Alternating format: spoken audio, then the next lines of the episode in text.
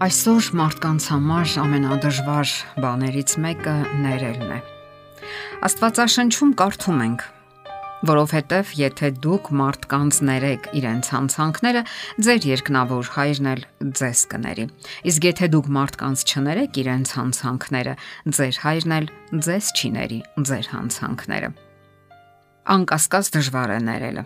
Շատ մարդկանց համար սա լուրջ հիմնախնդիր է Նրանք չեն կարողանում ներել իրենց հպարտության եւ հիվանդ ինքնասիրության պատճառով։ Եվ այնուամենայնիվ ներումը կարևոր է եւ անհրաժեշտ է սեփական խաղաղության ու անվտանգության համար։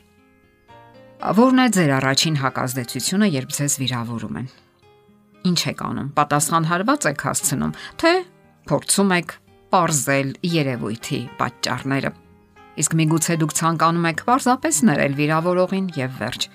Առաջին հակազդեցությունը սովորաբար լինում է պատասխանելու, պատասխան հարվածը հասցնելու անդիմադրելի ցանկությունը։ Հետո մենք երկար մտածում ենք այդ մասին, անընդհատ վերարտադրում վիճաբանության տեսարանները։ Երբեմն անքուն գիշերներ ենք անցկացնում, արցունքներ թափում, իսկ որ ավելի վատ է, հաճախ կորցնում ենք մեր լավագույն ընկերներին։ Ինչ է հարկավոր անել Անկասկած է, որ Աստված ամեն ինչ հրաշալի գիտի։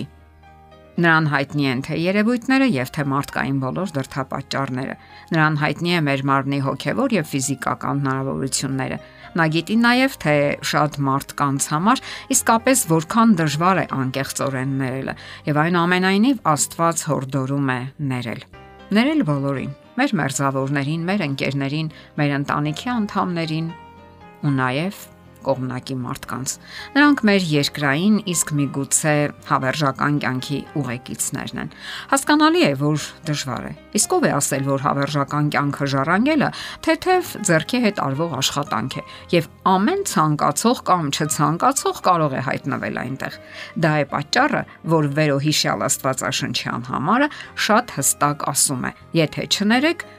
դուք էլ չեք ներվի։ Դա է պատճառը, որ վերոհիշյալ Աստվածաշնչյան համարը շատ հստակ ասում է. Եթե չներեք, դուք էլ չեք ներվի եւ բնականաբար կզրկվեք հավերժական կյանքից։ Աստվածաշունչը շատ հստակ ու միանշանակ է հայտարարում.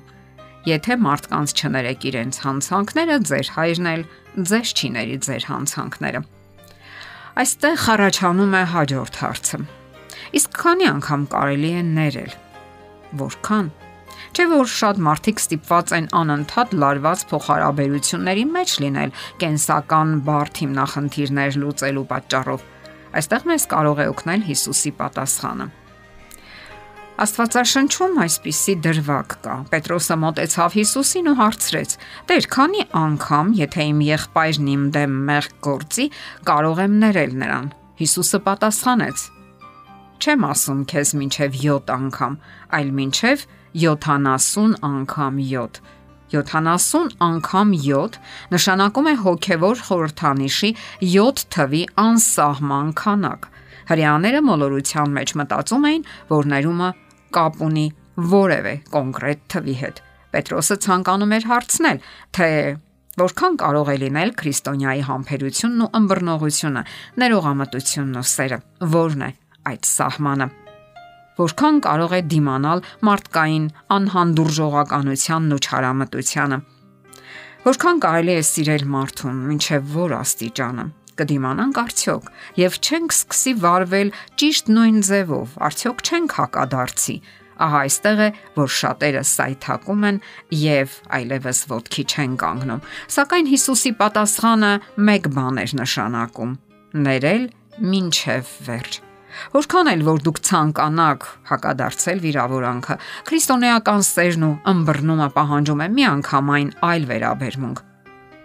Մարդկային բնույթը իհարկե համառում է եւ ցանկանում է վարվել իր կամքի պես, սակայն Հիսուսի ասած թիվը 70 անգամ 7, որ հավասար է ընդամենը 490-ի, պարզապես խորհրդանշական թիվ է։ Այն սահման չունի Աստված ասում է, որ մենք պետք է լինենք պարզապես ներման վիճակում, այլապես այդ ներքին ախտը կոչնչացնի մեզ, եթե ոչ այս կյանքում, ապա հաստատապես հավերժական կյանքի համար։ Եվ այնուամենայնիվ, ինչպես ներել Ինչ է հարկավոր հասկանալ դրա համար։ Մենք պետք է փորձենք հասկանալ յուրաքանչյուր իրավիճակ։ Չէ՞ որ ավելի հաճախ մարդիկ վիրավորում են ոչ միտումնավոր։ Նրանք չեն ցանկանում լարված ու բարդ իրավիճակներ։ Այդպես սովորաբար ստացվում է ակամա։ Հնարավոր է նրանք երբեմն միտումնավոր են վիրավորում Սակայն երբեմն պարզապես մարդիկ չեն կարողանում զսպել իրենց։ Եվ եթե մենք հասկանանք դրթապաճառները, անհամեմատ ավելի հեշտ կլինի ներելը։ Նաև պետք է սովորենք մոռանալու արվեստը։ Այս արվեստը եւս հեշտ չէ, սակայն միանգամայն հնարավոր է։ Շատ մարդիկ բավականին վառ հիշողություն ունեն եւ անընդհատ կենթանի են պահում իրենց մեջ չներելու վիրավորանքները վերհիշելու հոգին։ Շատ կարևոր է անընդհատ աղոթել դրա համար։ Քրիստոսը կարող է ազդել մեզ վրա եւ սրբագործել մեր հիշողությունը։ Եթե նույնիսկ մենք չմոռանանք վիրավորանքները, դրանց մասին հիշողությունը միայն ներողամտություն եւ մեղմ ժպիտ կառաջացնի մեր մեջ։ Դա մեր ընտրությունն է՝ մոռանալ թե հիշել։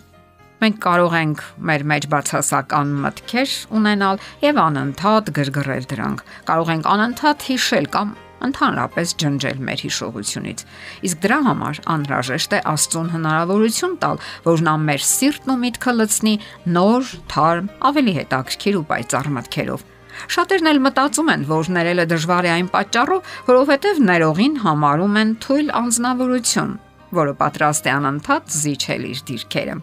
Սակայն ինչ են կորցնում կյանքում։ Ինչն է ավելի կարևոր՝ հիվանդ ինքնասիրությունը թե հավերժական կյանքը։ Մտածենք այդ մասին։ Եթերում ղողանջ հավերժության հաղորդաշարն է։ Հարցերի եւ առաջարկությունների համար զանգահարել 033 87 87 87 հեռախոսահամարով։